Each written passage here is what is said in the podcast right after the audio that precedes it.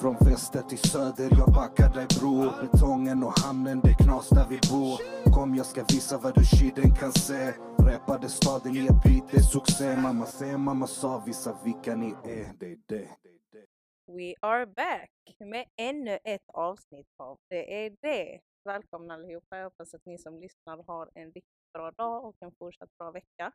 Idag har vi med oss Anna Olsson för del två av Under ytan. Välkommen Anna. Tack så jättemycket. Kul att dig här precis som förut.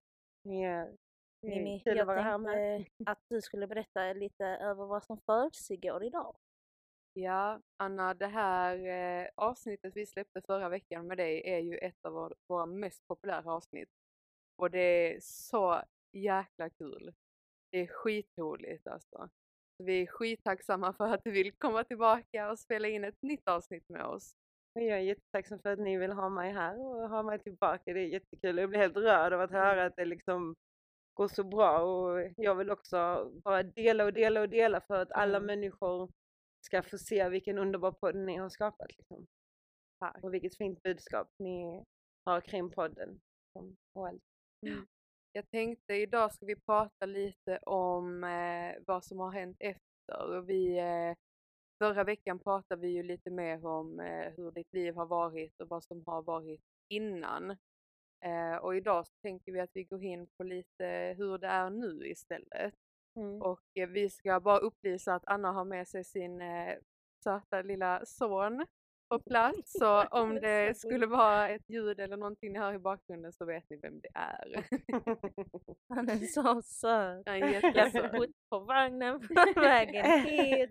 Jag är nöjd. Min fredag är kiddad nu. Ja, underbart. Tack för att han fick följa med. Det blir ju inte dagis för Lilleman idag så han får eh, ligga här i vagnen och vila. Ja, klart. Men jag tänkte att eh, vi kör igång. Ja. Ehm, när du berättar om ditt liv eller dina erfarenheter, vilka reaktioner brukar du få och hur bemöter du dem? Det är olika reaktioner jag får. Ehm, vissa känner ju medkänsla, alltså känner min smärta och eh, min sorg kring allt jag varit med om. Och vissa höjer på ögonbrynen och ser ner på mig. Ehm, vilket jag tycker är väldigt synd. Att man ska bli nersedd för mitt förflutna än den jag faktiskt är idag. Mm.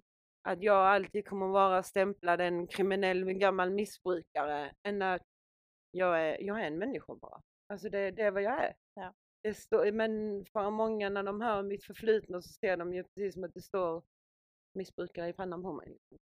Och höjer ögonbrynen. Så jäkla tradigt att Mm. höra faktiskt. Eh, det gick vi in på lite förra veckan också, att där döm inte någon bara för vad de har gjort innan. Mm. Att alla är ju människor oavsett vad. Mm. Alltså man växer ju med åren. Ja. Man lär sig sina misstag. Man går igenom saker som formar en till den personen man kommer bli sen när man blir äldre. Mm. Jag tycker också det är hemskt att man dömer baserat på vad någon har gått igenom eller vad de har gjort sen innan. För ibland så är det inte ett eget val heller. Nej. Och då, som jag pratade om i, förra, i första avsnittet så blev det ju liksom automatiska val, Mm. inte frivilliga val.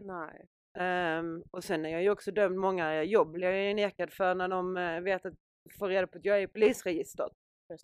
Ehm, även om de ser att de här domarna jag har fått i flera år tillbaka, men ändå blir jag dömd för att ja, men du är med där, då får du inte detta jobb. Det är inte rättvist. Alltså. Jag tycker att varje människa ska få en andra chans. Alltså, eller flera chanser egentligen för att Ja, bevisa vad de går för. Mm. Jag håller med dig där, det Mm. tycker jag också. Jag tycker det är jättesynd att inte bara jag utan alla som har hamnat snett ska bli, att de ska inte behöva bli dömda för sitt förflutna. Nej. För vi, vi, vi är inte vårt förflutna, vi är människor och vi kollar på vad vi är idag. Mm. Det är Ja. de vi är, vi är inte bagaget. Nej, Nej. precis. Det är till förflutet för en anledning. Exakt. Mm.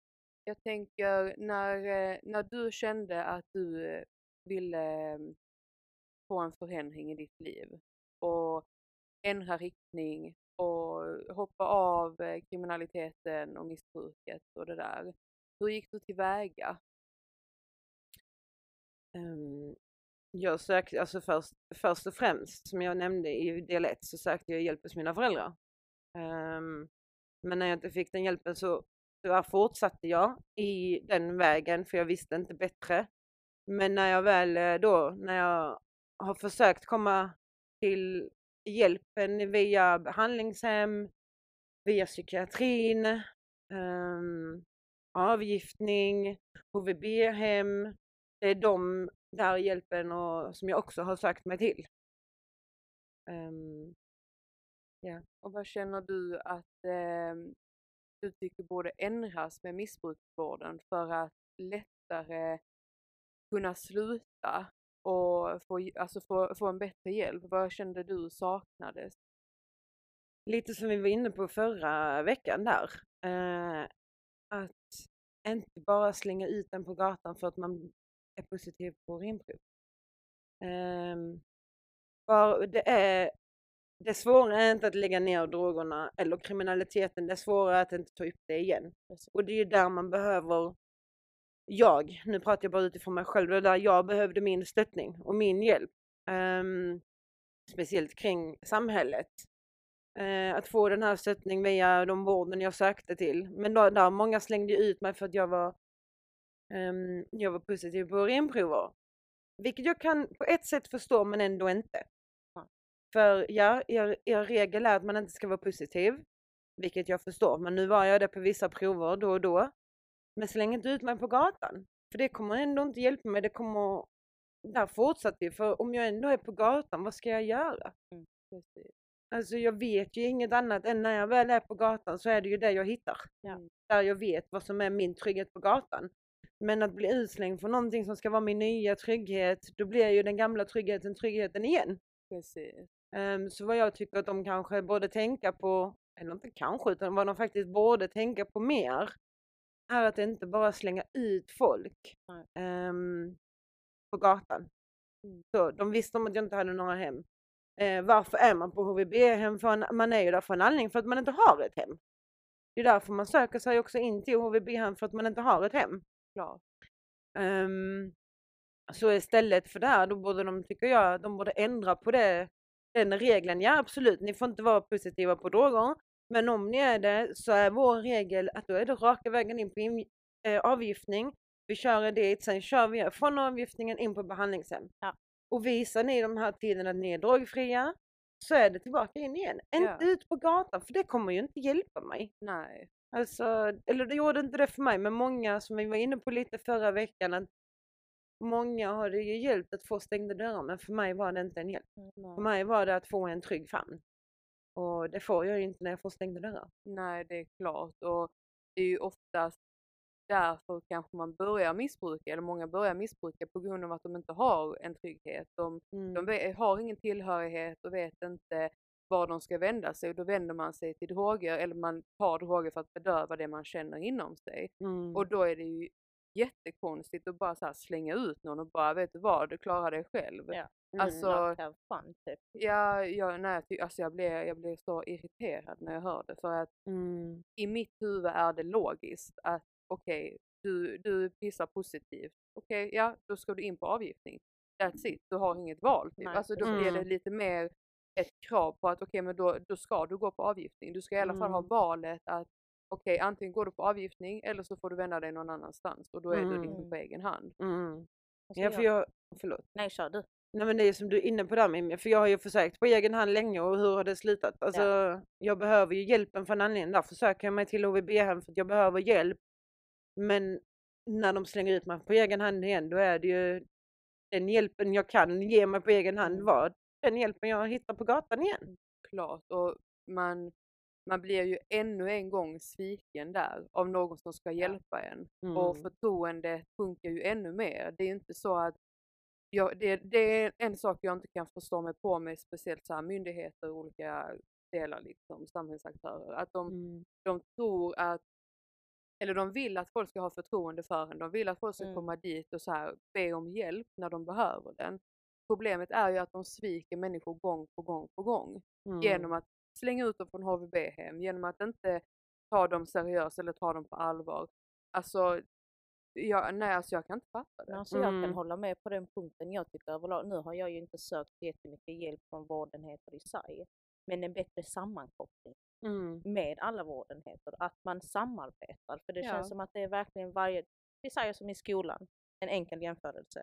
Alla lärare har ju sina egna ämnen, liksom. man har en Mm. mentor till varje ämne.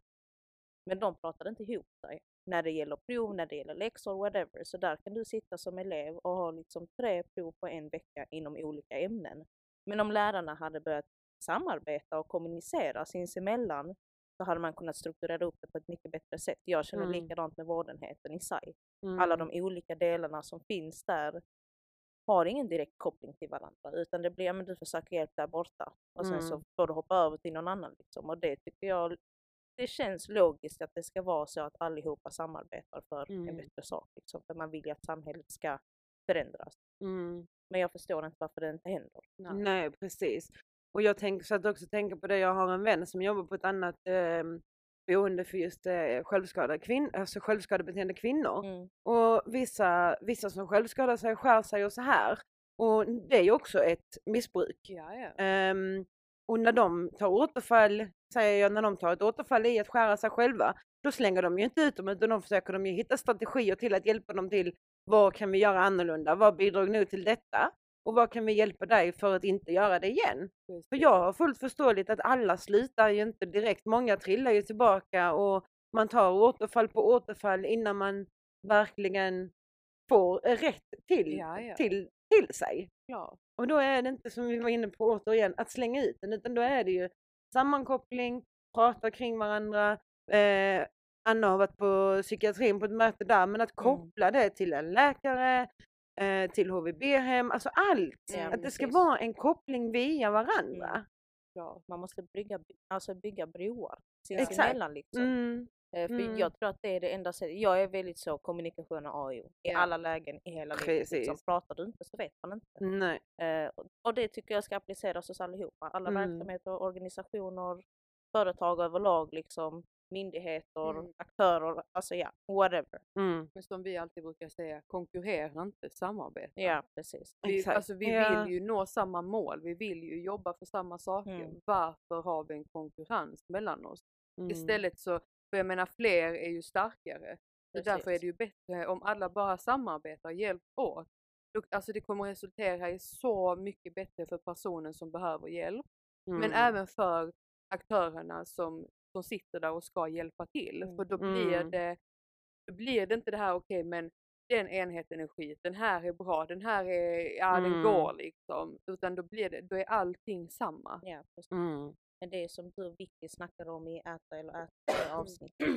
Ursäkta. Eh, där ni pratade om överlag att Malmö är liksom en betongstad. Det är Mm. varje man för sig själv. Ja. Mm. Eh, och det gäller också myndigheter i Ja, sig. ja. Liksom. Det gäller Mm. allihopa, Ja. vårdcentraler, sjukhus, alltså allt. Ja, och det, det är som du är inne på, där, vårdcentraler, sjukhus, allt är ju likadant. att Vi ska inte konkurrera mot varandra som jag. Jag har jobbat som undersköterska, Mm. undersköterska den sista tiden.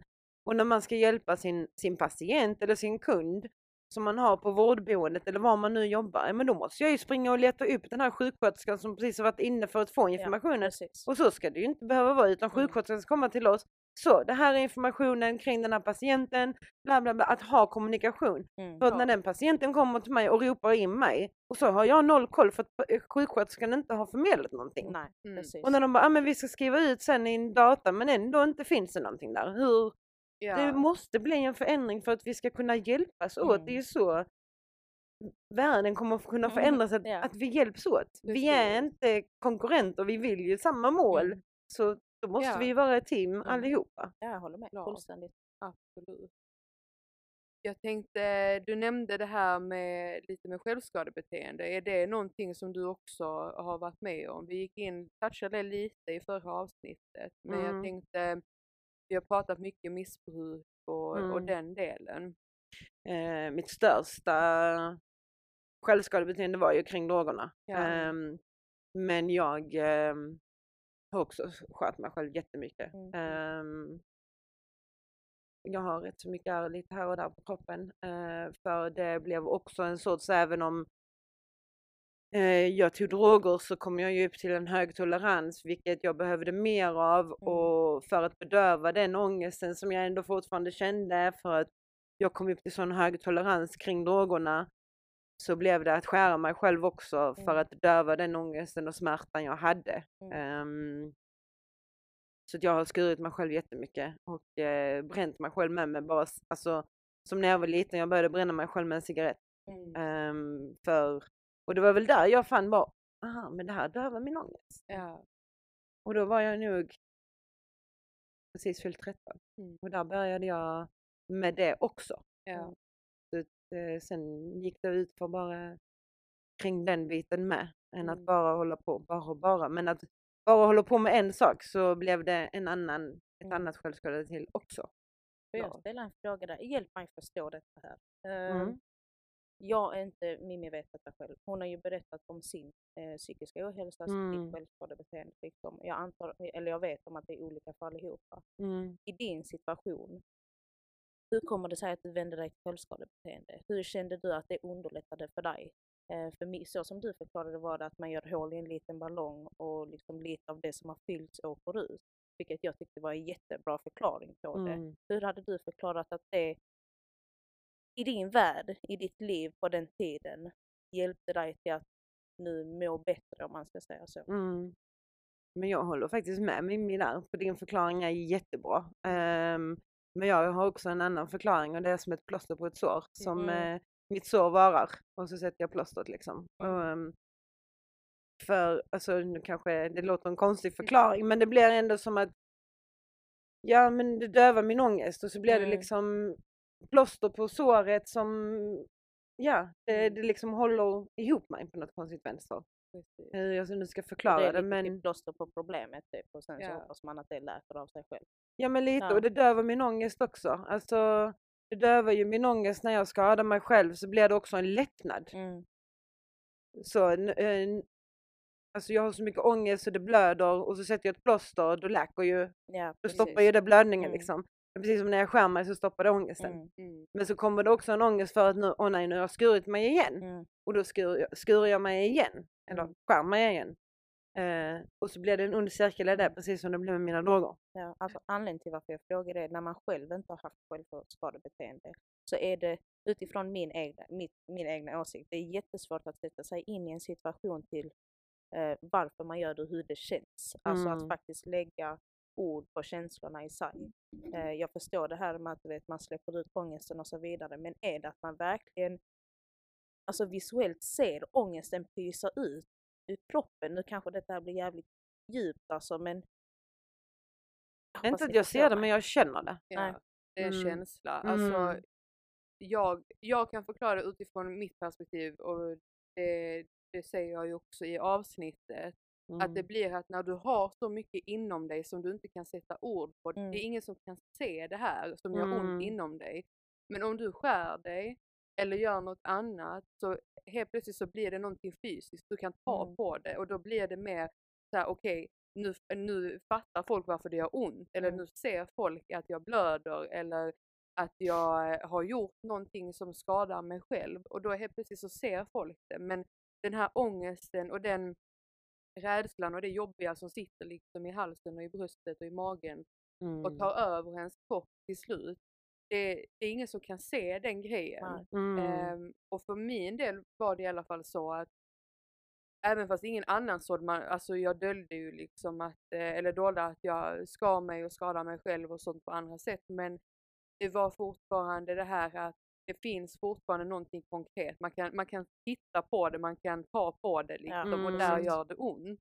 Mm. Och lite det att den smärtan som var fysisk tog liksom, alltså bedövade lite det som gjorde ont inuti. Mm. Mm. Den psykiska smärtan typ. Mm. Men det är ju alltså det är jätte, jättesvårt att förklara det och sätta ord på den känslan också. Det är ju verkligen det. Mm. Eh, och jättesvårt för någon som inte har varit i den problematiken själv Mm. att förstå känslan. Men alltså det, det är en jättekomplex grej men det är typ Ja. det bästa sättet jag kan förklara det på. Det är liksom Mm. att på något sätt så är det som att, ja, men, att du, du tar en Alvedon mot din huvudvärk Du, Mm. du skär dig för att liksom bedöva det som gör ont inuti men du blir ändå inte Mm. kvitt problemet. Samma sak, din huvudvärk antagligen är på grund av att du är spänd i nacken för att du sitter för mycket vid datorn. Alltså lite Ja. den saken att man har så Mm. mycket egentligen att jobba på. Eh, men istället tar du bara en Alvedon för att det gör ont just nu. Mm. Ja, det är just därför jag frågar, för jag, jag tror, eller ja, jag vet att det är så många, jag tycker att det är viktigt att upplysa självskadebeteende och psykisk ohälsa i sig för de som inte lider av det. Jag bland annat när jag var yngre har aldrig förstått mig på det från början Mm. förrän nu under senare åren när man har lärt sig mycket mer. Och med tanke på att det kan se så olika ut för dig Mimmi och för dig Anna så tror jag att det är viktigt att man tar allas historier så att man märker skillnaderna och likheterna i just detta här Mm. ämnet. Eller ja. Mm. Ja. ja, för jag har ju min historia även om det är samma diagnos eller sjukdom eller vad man nu ska kalla Mm. just men, psykisk ohälsan. Att det är ändå, vi går igenom samma men ändå så olika eh, resor i det. Mm. Um, jag får jag bara flika in innan vi går vidare till nästa fråga kring det här med att visa världen. Alltså det är som Mimmi du var inne på där att det är så svårt att sätta ord på den här ångesten, den här smärtan jag har inombords och den här klumpen i halsen precis som man nästan inte kan andas. Mm. Det är ju ingen som ser den. Men när jag skär mig själv så se, ser de ju, även om jag också försökte dölja, dölja det, så är det ju ändå någon som kan se det. Och Ja. då blir det ändå ett sätt att visa och någon kanske förstår att hon lider av någon smärta. Vad kan jag, utan att kunna förklara i ord så kan de ju se det Ja, på min kropp att Ja. jag har en smärta som jag inte kan beskriva med ord. Precis. Det är som du säger, det blir konkret. Mm. Ja. Mm. Jag tänker, kan du fortfarande få sug efter att självskada antingen med droger eller med, på annat sätt eller att vända dig till de här gamla medlen som du har gjort tidigare och hur hanterar du det i sådana fall? Eh, jag kan absolut få sug eh, på allt kring eh, saker och ting. När saker blir jobbigt och jag har jättemycket smärta, som lite saker i mitt privata liv och det är en stor smärta och sorg i det, ehm, då kommer mycket tankar att varför kan inte jag dricka ett glas vin? Mm. Eller att mitt huvud kanske börjar planera att ja men nu ska jag vara barnfri, varför skulle inte jag kunna dricka ett glas vin? Ja. Fast jag vet om att tar jag ett glas vin så kommer det sluta antagligen med allt eller så blir det min död. Och det vill jag ju inte men det är klart att sugen och tankar kan komma. Men där har jag ju att jag berättade för någon annan. Eh, och idag har jag ju, är jag inne på mitt femte drogfria år. Det. tack så mycket. Bra jobbat. Tack. Eh, och det gäller ju att hitta det nätverket som jag kan prata med, som inte dömer mig utan som förstår mig. Ja. Så när jag ringer, vi säger min sponsor som jag har via NA, att jag ringer henne, eller som häromkvällen så skrev jag nu ska jag vara barnfri, nu sitter jag och tänker på varför kan inte jag dricka ett glas vin i helgen? Då ringde hon upp mig direkt, okej men varför?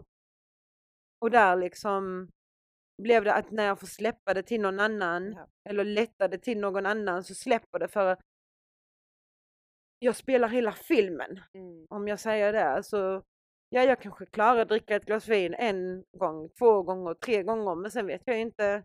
Jag kanske sitter med allt igen för det kommer ju trigga mitt, mitt beroendesystem i min hjärna att jag vill ha mer. Likadant om jag skulle börja skära mig själv. Om vi säger att jag gör bara ett streck så kommer det ju antagligen också bli likadant Ja. som det blev med mina droger att jag vill ha mer. Mm. Ja. För då får jag ångest att jag har börjat med att skära mig och så kommer det bli en ond cirkel igen. Men och där, för mig är det att prata. Ja. Ja. Att Men det är prata det. jättebra att kommunicera ut om det. Mm. Det är jättebra, men det är nu det är jättekon... Jag kommer jättekonstiga jämförelser idag. Men som att man har ett godissug. Man är på en diet, du äter Mm. en godisbit och så slutar det med att du slukar hela påsen. Ja, men det, det, det är ingen, det är Ja. ingen dum förklaring för det är lite så bara att det är ett annat, en Ja. annan drog. Ja. För sockersug, eh, det ju, finns ju sockermissbrukare med. Ja. Precis. Så Det är det är ju samma sak, bara att det är olika droger. Precis, och det, det som jag pratade med, med Donne idag, eh, min sambo. För vet, jag har ju också det här i mig liksom, från mitt självskadebeteende och andra saker, att man har den här lite beroendeproblematiken. Liksom, Mm. Att hela tiden vill jag ha mer. Och jag har varit väldigt mycket som att köpa saker, alltså så här shoppingberoende. Och nu har jag ju börjat så investera i fonder. Och då går Mm. du ju in och köper fonder. Och det triggar liksom något belöningssystem i mitt huvud. Och då Mm. helt plötsligt nu så idag liksom så här, ja men nu köper jag fler fonder men nu, nu vill jag starta med aktier, nu vill jag Ja. köpa det. Mm. Alltså, och det blir liksom en så här, ja nu är det en bra grej för jag sparar ju pengar men Mm. man kan också förlora pengar men oftast inte så Absolut. mycket i fonder liksom, det är Mm. mer aktier. Eh, aktierna har jag hållit mig ifrån men även bara, du vet, det bara klickade i mitt huvud idag. Mm. Jag sa det till Donne bara, det är ändå sjukt att till och med en sån här grej som fonder kan bara så här klicka och bara, Mm. vet du vad, köp mer, köp mer, det här gör dig glad. Liksom. Mm.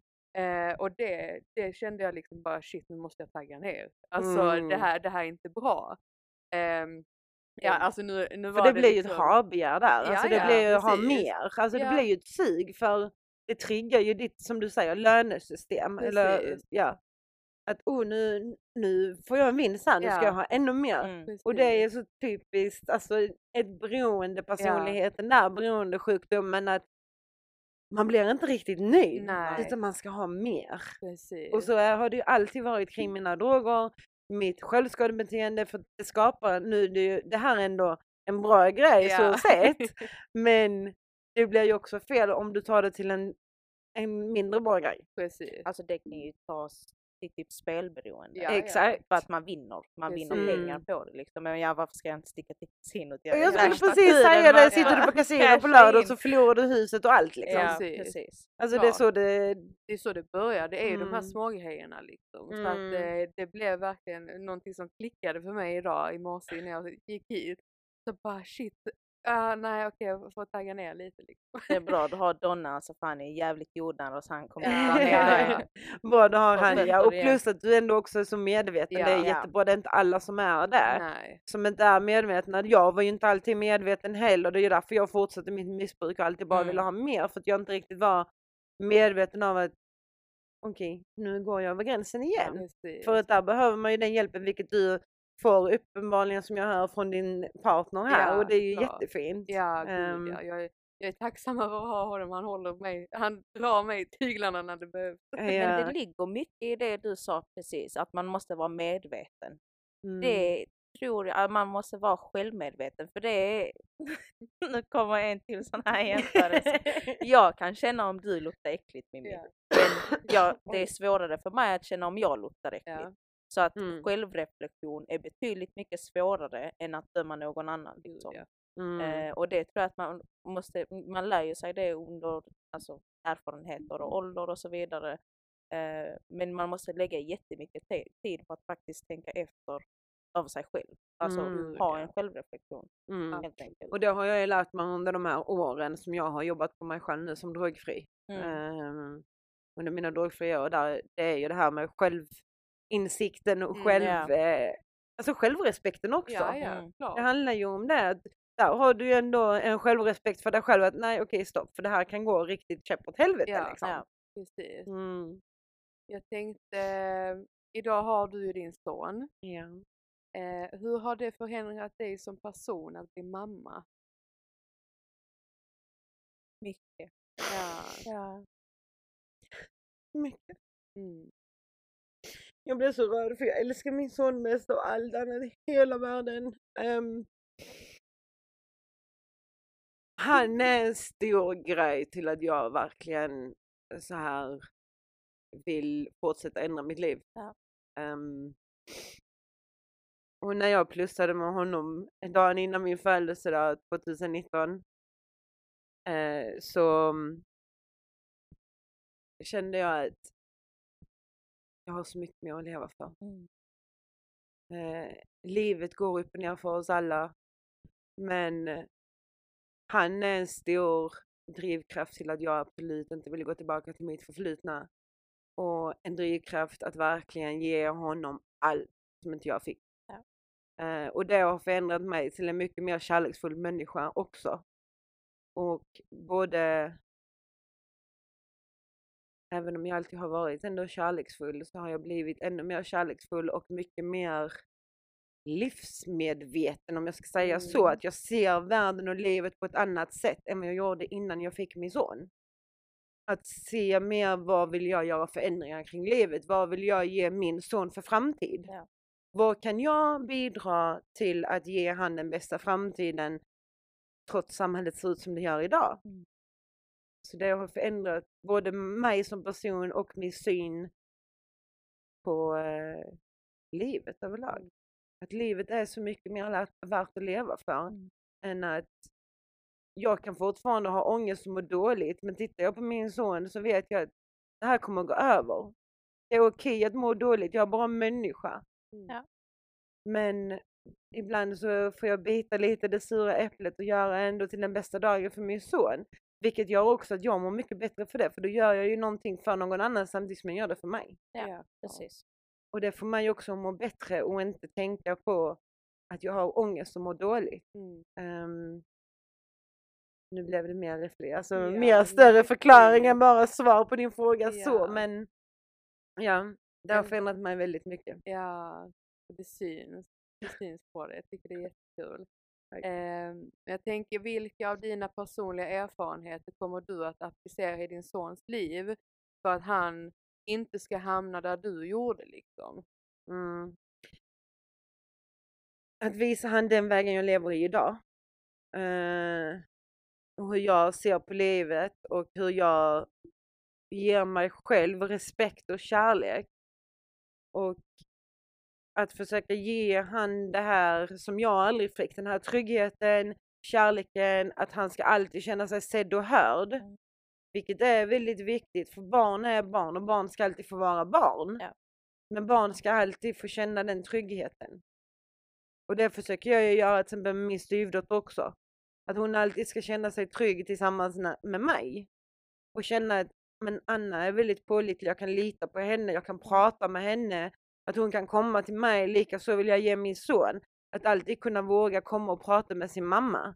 Och be henne om hjälp oavsett vad det än är. Och våga mm, säga allt. Att, men till exempel om han skulle komma till mig och säga mamma jag har um, rökt på. Jag kommer inte skälla på honom. För jag har med provat men då vill jag visa honom någonting annat. Att visa Mm. han, berätta för honom min Ja. resa. Det här, om, så här slutade det för mamma och det kan också sluta så för dig, vilket mamma inte vill. Och då kanske redan få honom där att tänka på ett annat sätt. Att ja men kanske ska lyssna på min mamma för hon ger ju mig ändå alltid trygghet och kärlek. Så mamma har ju en, hon ska ju vara min förebild. Och när jag sitter och berättar för honom min historia och var det kan sluta, vilket ingen gjorde för mig. Nej. De visade ju mig att det är okej. Fortsätt du på hej vilt. Och det vill jag, jag inte ge min son. Nej. Utan ja, jag hoppas att det nu blir svar Ja, på din fråga ja, där. Alltså jag kan tillägga något där. Min, eh, utifrån egna erfarenheter. Min morsa, Mimmi vet du, hon har alltid varit satans sträng alltså. Galet sträng. Eh, jag vet om att hon har gjort det liksom för mitt egna bästa. Men hon sa till mig två år sedan kanske, då satte hon verkligen det i ett perspektiv för mig. Då förstod jag till varför hon är som hon är. Hon, hon kom till mig och så sa hon då, hon bara, för att jag hade fått typ så tre böter på min bil. Alltså jag hade inte sagt någonting och min bil stod på henne. Skitdumt, jag vet. Ja, whatever. Så kom hon fram till mig och sa hon bara Julie, ärligt talat. Gör du någonting dumt, säg det till mig. Låt Mm. mig bli arg, men det kommer gå över. Och så tar vi oss igen. Mm, Och det förändrade allting för mig liksom. mm, En sån liten grej kan göra så himla mycket. mm, Och det märks på dig att du har alla de små delarna som du har tagit ifrån din erfarenhet och ditt liv och applicerar det i din sons. Det är jättehärligt. Ja, verkligen. Jag, men det som du är inne på där gällande din mamma Julie, Mm. att hon har sagt det här till dig, att det är bättre att du pratar med mig och Mm. berättar för mig. Och, och så är det ju lite, för sanningen kommer alltid fram på Ja, ett eller annat precis. sätt. Mm. Och det är lite, nu går jag in på min styvdotter igen, det är lite som hon är tonåring och man vet ju själv man var tonåring, ska jag våga berätta, ska jag inte våga berätta? Ja. Så jag har sagt till henne att det är alltid bättre att bara komma och berätta det Mm. för att annars kanske det blir en större grej än vad det faktiskt hade behövt bli från Ja, början. Precis. Och då tar vi oss igenom tidigare än när det kanske är långt innan, alltså Mm. långt för sent. Så det är bättre att alltid komma och prata och det försöker jag ju både ge min styvdotter och min, min son. Ja, liksom. Precis. Ja, det var fin insikt där kring Helt- vad du helt fick av din mamma där liksom. Ja men alltså sånt gör jättestor, jättestor Mm. skillnad. För som sagt kommunikation överlag är AI och det är som att jag ska börja tjafsa med Mimmi på jobbet. Var sur. Mm. Alltså who gives a Mm. shit. Var sur, det kommer gå över liksom och sen snackar vi om det. Mm. Och så gäller det överlag i alltihop. Mm. Eh, Men det blir ofta så att man antingen skäms eller att man är rädd för att säga vad man tycker och tänker för att man inte vill att människan i fråga ska tycka illa om en eller kanske inte håller med överlag. Men så är det, alltså man delar olika åsikter, Mm. olika perspektiv på saker och ting och det gäller bara att man snackar om det och försöker komma till ett gemensamt beslut överlag. Ja. Och jag tänker ju också som det är att inte bara från alltså, förälder och barn utan även som vän eller kollega Mm. eller allt annat. Det är ju bättre att, att få höra det från alltså, ens eget barn, vad som har hänt eller vad den har gjort, även fast det kanske är jättetufft att, Mm. alltså, som barn att säga det till sin förälder, än att föräldern får reda på det av någon annan. Ja precis. Exakt. Absolut. Så jag, det är ju, där blir det ju också den här tillitsgrejen. Mm. Att bara, men okej, men du har ändå kommit och sagt detta till mig. Du har Mm. varit ärlig och berättat att du har gjort någonting dumt kanske som du Mm. skäms över. Men du har i alla fall kommit till mig själv istället för att jag Ja. har hört det från någon annan. ja. Ehm, Det gör det 20 gånger värre. ja, att höra det från någon annan. Ja, men då- precis. Då tar man, man tar illa vid sig mycket mer än vad man Mm. gör om man faktiskt får höra det från personen i fråga. Ja. ja, för det kommer ju göra mycket mer ont för mig att polisen kommer knacka på dörren och säga ja men en son, han har gjort detta och detta. Ja, Mm. Än att min son kommer och berätta för mig långt innan, innan det behöver gå dit Mm. där. Ja, precis. För jag vill ju ge honom och visa honom det jag har lärt mig från mitt. Mm. Alltså att prata med mig, våga prata med mig. Jag vågade ju inte prata med mina föräldrar till slut för att jag fick det, det, den responsen som jag fick. ja. Så då var det ingen idé att gå och be om hjälp. Men det är ju det jag vill ge min son att prata med mig för jag finns där, jag hör Mm. dig och jag ser dig. Mm. Och jag Ja. kommer alltid finnas där för dig oavsett vad som än händer. Mamma kommer alltid stötta dig och älska dig även om du gör ett brott så kommer jag ändå älska dig för jag förstår ju att det finns någonting Mm. bakom där som du kanske inte Ja. vågar prata om så våga prata. Ja. Alltså det vill jag ju ge innan det går dit som det gick för mig. Ja, absolut. Mm. Jag tänker ehm, att vi ska börja runda av. Mm. Eh, men jag tänker ur ett föräldraperspektiv. Eh, vad har du för tips eller tankar som med din bakgrund? Så här, om en förälder har ett barn som eh, där de märker att barnet har ett missbruk, ett självskadebeteende, kanske har gått så pass långt att de kanske har velat ta livet av sig. Du vet, de grejerna. Eh, utifrån dina egna erfarenheter, vad, vad vill du ge för tips till föräldrarna att hantera en sån situation? Vad ska de, ska de höra av sig till någon för att få hjälp utifrån eller börjar man själv inom familjen? Börja att lyssna på ditt barn. Um, börja att lyssna och se ditt barn. Mm. Ehm, det är det jag vill ge för, främ, först och främst. Och eh, stötta den i den mån du kan genom där att lyssna. Vad, vad är det som ligger bakom till att du gör detta? Vad kan mamma eller pappa hjälpa dig för att du inte ska göra det? Och sen gå via, för att även om jag kan finnas och stötta med kärlek så vissa grejer måste jag ju söka via professionell hjälp. Ja, Till exempel barn och ungdomspsyk, BUP. ja, Eller är du äldre så psykiatrin. Men finns där för ditt barn. Mm. Lyssna på vad hon eller han behöver. Varför mår han dåligt? För att kunna veta vad kan du göra och var kan du ta extra eh, professionell hjälp ifrån. Ja. Det är det jag vill ge. Och ge dem alltid en trygg famn. ja. Alltid. Det fick aldrig jag. Så ge alltid era barn den kärlek som ni själva vill ha. Mm. Jag tänker alltid, jag vill bli sedd, jag vill bli hörd och jag vill bli älskad. Därför ger jag allt det som jag själv vill bli till min son. Mm. Jag tänker det är likadant under alla, inom alla yrken jag jobbar inom. Jag vill ge mina patienter det som jag själv hade velat ha när jag är äldre och är på ett äldreboende. absolut. Så vill jag ju bli sedd och bli hörd. Och få kärlek för det är mina sista år i mitt liv. Ja. Även om jag kanske är dement och inte minns så vill, jag ändå ge dem det som jag hade önskat få Mm. där. Ja. Och det är så jag också tänker kring min son men kring alla människor överlag. Mm. Se en människa för vad, alltså, vad som finns bakom. Vad kan, och ge människan, istället för att bara titta snett på en människa, ge den ett leende. Ja. Ett leende kan göra så mycket för en människa. När jag har jobbat inom till exempel BK med dig Mm. Julie. När kunder kommer och man märker, ja men, men och de kanske är stressade och mår dåligt för de har haft en pissdag. Ja men ge dem en, en Ja. trevlig service och ingen irritation tillbaka. Mm. För deras irritation till oss handlar inte om oss. Mm. Utan de har kanske haft en dålig dag på sitt jobb. Ja, Och då men- ger jag dem ett leende istället för någonting otroligt. Alltså verkligen jättebra. Ja. Som vanligt ett klockrent avsnitt om jag får säga det själv. Ja. det är alltid lika trevligt att du kommer hit Anna. ja. Mm. Det finns ju så mycket kvar från ditt liv som man egentligen vill lyfta. Mm. Eh, men vem vet, kanske längre fram i framtiden så kommer del tre. Det vet Vem man vet? aldrig. Mm. Vem vet? Men Tack så jättemycket ännu en gång Anna för att du har kommit hit och eh, att du har delat med dig av din historia. Och jag tycker att eh, det har varit väldigt givande för oss Mm. och jag tror utan tvekan att det är givande för andra också. Eh, speciellt de som kanske sitter i samma problematik som du gjorde förr. Mm. Att eh, de kan se att det finns faktiskt en väg ut. Det finns, Mm. det finns ett annat, en annan väg att ta. Mm. Liksom. Mm. Gräset är grönare på andra sidan. Ja. Så är det. Och sen vill jag också ge till alla lyssnare att det är okej om ni vill ha hjälp så skriv till mig. Om ni vill om ni har frågor kring min resa eller någonting så är det okej att skriva till mig i PM eller någonting. Mm. Eller skriv till Mimmi och Julia om det är någonting och ni inte vågar skriva till mig men det är okej för Mm.